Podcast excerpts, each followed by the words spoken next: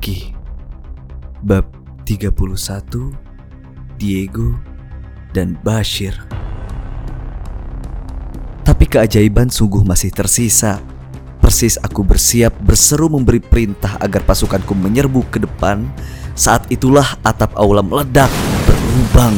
Kaget menerka apa yang terjadi. Seseorang meluncur dari sana, masuk ke dalam aula. Tangkas sekali gerakannya. Sambil masuk, dia menekan tombol alat di tangannya. Terdengar ledakan kencang kedua dari kejauhan. Entah dari mana datangnya, tapi seluruh lampu di aula mendadak padam. Tepatnya, listrik seluruh gedung enam lantai itu telah padam. Sumber listrik gedung diledakkan. Aula menjadi gelap gulita. Lubang di atap sana entah ditutupi oleh apa, cahaya dari luar tidak bisa masuk. Juga di dinding-dinding kaca ditutup total oleh sesuatu. Hilangnya sumber listrik juga membuat alat kontrol drone jarak jauh milik Yuri padam. Lebah-lebah itu jelas dikendalikan lewat komputer canggih. Saat komputer itu padam, maka lebah-lebah itu berguguran jatuh, tergeletak di lantai aula tanpa meledak, kecuali saat diinjak. Gelap gulita di sekitarku. Udara terasa pengap oleh ketegangan, dengus napas dan detak jantung terdengar kencang. Di saat semua orang berusaha mencari tahu apa yang terjadi, terdengar petikan gitar klasik Amerika Latin. Seseorang bernyanyi.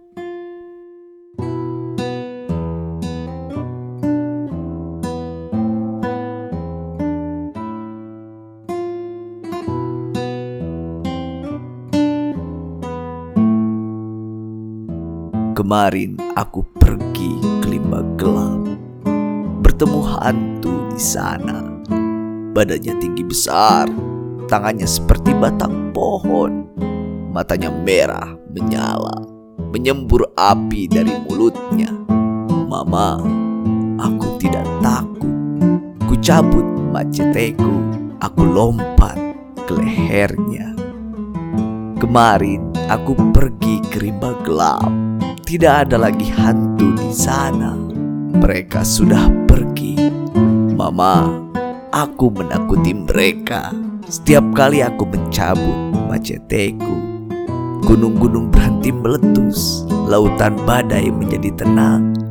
Mereka terdiam seperti anak kecil pada putramu yang tak kenal takut. Lindungi Master Dragon!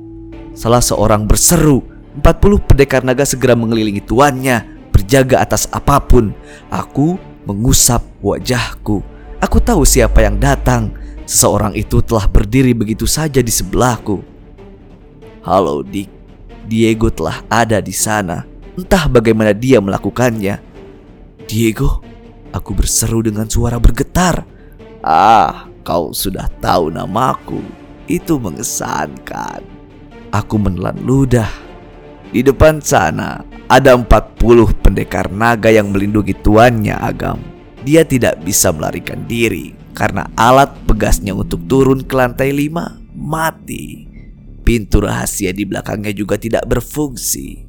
Mereka sama seperti pasukanmu, terjebak di aula ini. Apakah kau ingin ikut berpesta? Karena aku akan menghabisinya kepala keluarga penguasa shadow ekonomi pertama yang akan mati di tanganku. Aku menghela napas. Ini gelap total. Bagaimana aku bisa melihat, apalagi menyerang orang lain? Aku bahkan tidak bisa melihat wajah Diego di sebelahku. Pasukanku juga tidak bisa menembak, menyerang, atau mereka akan saling membunuh. Dan lebih buruk lagi, tidak sengaja menginjak drone lebah, meledak. Diego tertawa pelan, menepuk bahuku. Untuk seseorang yang pernah menyaksikan Bushi bertarung dengan mata tertutup, kau seharusnya tahu kita bisa bertarung dalam gelap agam. Aku terdiam. Aku tahu, tapi aku tidak pernah berhasil melakukannya berapa kali pun aku mencobanya. Konsentrasi di fokus, hilangkan semua beban pikiranmu. Bersihkan satu demi satu helai rasa sesal. Aku akan mengajarimu Pejamkan matamu, rasakan udara di sekitar. Aku masih terdiam. Lakukan bujang. Aku akan membuatmu bisa bertarung dalam gelap. Diego menyemangatiku. Kau tidak perlu sepertiku. menghabiskan dua tahun tinggal di gua gelap bersama jutaan kelelawar untuk menguasai teknik itu. Malam ini, aku akan membuatmu menguasainya dengan cepat, dengan teknik sugesti. Percayalah padaku, pejamkan matamu agam. Aku akhirnya menurut. Aku memejamkan mataku. Bagus sekali. Diego berbisik pelan, lantas menepuk punggungku.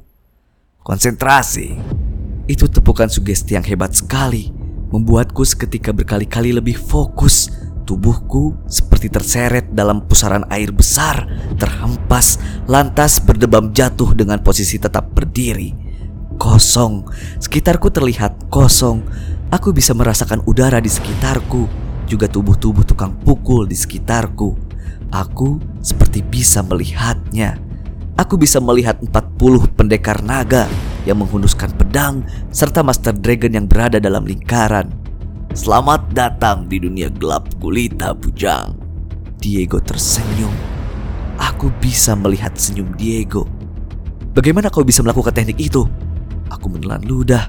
Belasan tahun aku berlatih, tidak pernah berhasil. Sedangkan Diego cukup menepuk pundakku. Diego menggeleng. Mudah. Aku hanya mengaktifkannya. Kau memang telah memiliki kemampuan tersebut. Diwariskan dari si mata merah. Tapi itu tidak penting. Omong-omong, bagaimana kau tahu namaku Agam? Aku membaca surat-surat yang pernah kau kirimkan. Ah, surat-surat itu. Aku ikut berduka cita atas Katrina Diego itu sangat mengharukan. Tidak apa, Dik. Itu semua sudah tertinggal belasan tahun di belakang. Aku juga berduka cita atas Mida. Itu juga sangat mengharukan. Aku mengangguk.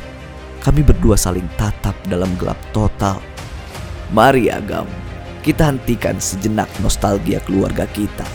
Saatnya menghabisi Master Dragon. Persis dia mengatakan kalimat itu, Diego sudah melenting ke depan, mengunuskan macetenya. Dia tahu persis harus melangkah ke mana tanpa menginjak drone lebah-lebah yang bisa meledak. Demi melihat gerakannya, aku juga maju ke depan, mengacungkan pistolku. Saat macetnya Diego mulai mengincar lawan, aku mulai melepas tembakan. 40 pendekar naga berseru. Mereka berusaha bertarung habis-habisan, berusaha memberikan perlawanan. Tapi Diego bukan tandingan mereka dalam gelap gulita. Diego adalah petarung jarak dekat paling hebat yang pernah kulihat. Satu persatu pendekar naga yang tersohor itu bertumbangan. Pistolku juga menyalak menyambar mereka. Saat pertahanan Diego terbuka, ada pendekar naga yang bisa menebak posisinya dalam gelap. Menyerang dengan pedang, tapi aku lebih dulu mengirim tembakan, membuatnya terjatuh. Ini kombinasi serangan yang sangat mematikan. Diego di depan, aku di belakang. Lima menit berlalu, tidak ada pendekar naga yang tersisa. Diego melangkah maju. Macetenya menebas leher Master Dragon. Kepala keluarga penguasa Shadow ekonomi itu tersungkur, tewas seketika. Persis Master Dragon tewas, genset cadangan gedung menyala. Lampu-lampu di aula kembali menyala. Diego sudah menghilang, menyisakan tubuh 40 pendekar naga dan Master Dragon terkapar di sana. Drone lebah-lebah itu masih teronggok membisu di lantai karena komputer dan alat kendali jarak jauh Yuri masih membutuhkan waktu untuk aktif kembali. Apa yang terjadi, Bujang? White berseru. Aku menoleh ke sana kemari mencari Diego. Dia telah sempurna menghilang. Anak itu hebat sekali. Salonga mengusap wajahnya. Dia tahu apa yang terjadi. Syahdan tidak akan menduga jika dia punya anak yang hebat sekali mengerikan. Aku mengusap wajahku. Kami telah memenangkan pertempuran. Pasukanku bergegas mengamankan drone lebah-lebah itu sebelum bisa kembali terbang. Bagaimana dengan markas di Tokyo? Yuki bertanya. Itu benar, masih ada yang harus dicemaskan. Kami memang menang di Hong Kong, tapi markas keluarga kami entah apa kabarnya. Telepon satelit milik Akashi berbunyi. Aku segera menerimanya. Bujang-san. Hiro Yamaguchi berseru penuh sukacita di sana. Pertolongan datang. Perkumpulan Gunung Fuji telah tiba. Mereka datang dengan kekuatan penuh.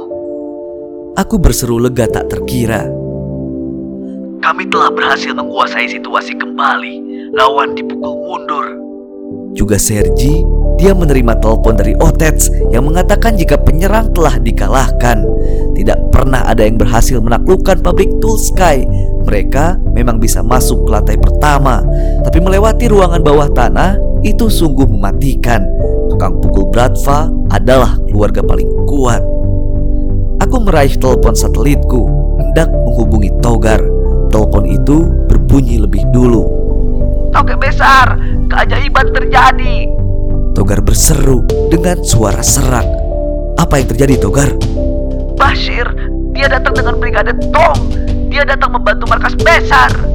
Togar berteriak dengan sukacita. Astaga, aku mengusap wajahku. Itu sungguh pertolongan yang tidak terduga. Bashir dan brigade Tong menghabisi lawan tanpa ampun. Kami kami berhasil mempertahankan markas besar. Menoleh ke arah Salonga yang mendengar percakapan. Dia adalah keluarga Tong Bujang. Dulu, sekarang, dan sampai kapan pun. Dia tetap keluarga Tong. Tentu saja dia akan datang membantu markas besar. Dia hanya membenci ayah angkatmu yang dulu membunuh keluarganya. Tapi dia tetap saudara kalian. Ya Tuhan, kami berhasil memukul mundur lawan Tauke besar. Terlambat beberapa menit Bashir tiba, markas besar hancur lebur tak bersisa. Togar berseru sekali lagi dengan sukacita. Markas besar keluarga Tong selamat oleh seseorang yang tidak kuduga sama sekali. Bashir kembali untuk membela kehormatan keluarga yang pernah membesarkannya. Peperangan ini kami telah memenangkannya. Master Dragon telah disingkirkan dan rencana licik telah digagalkan.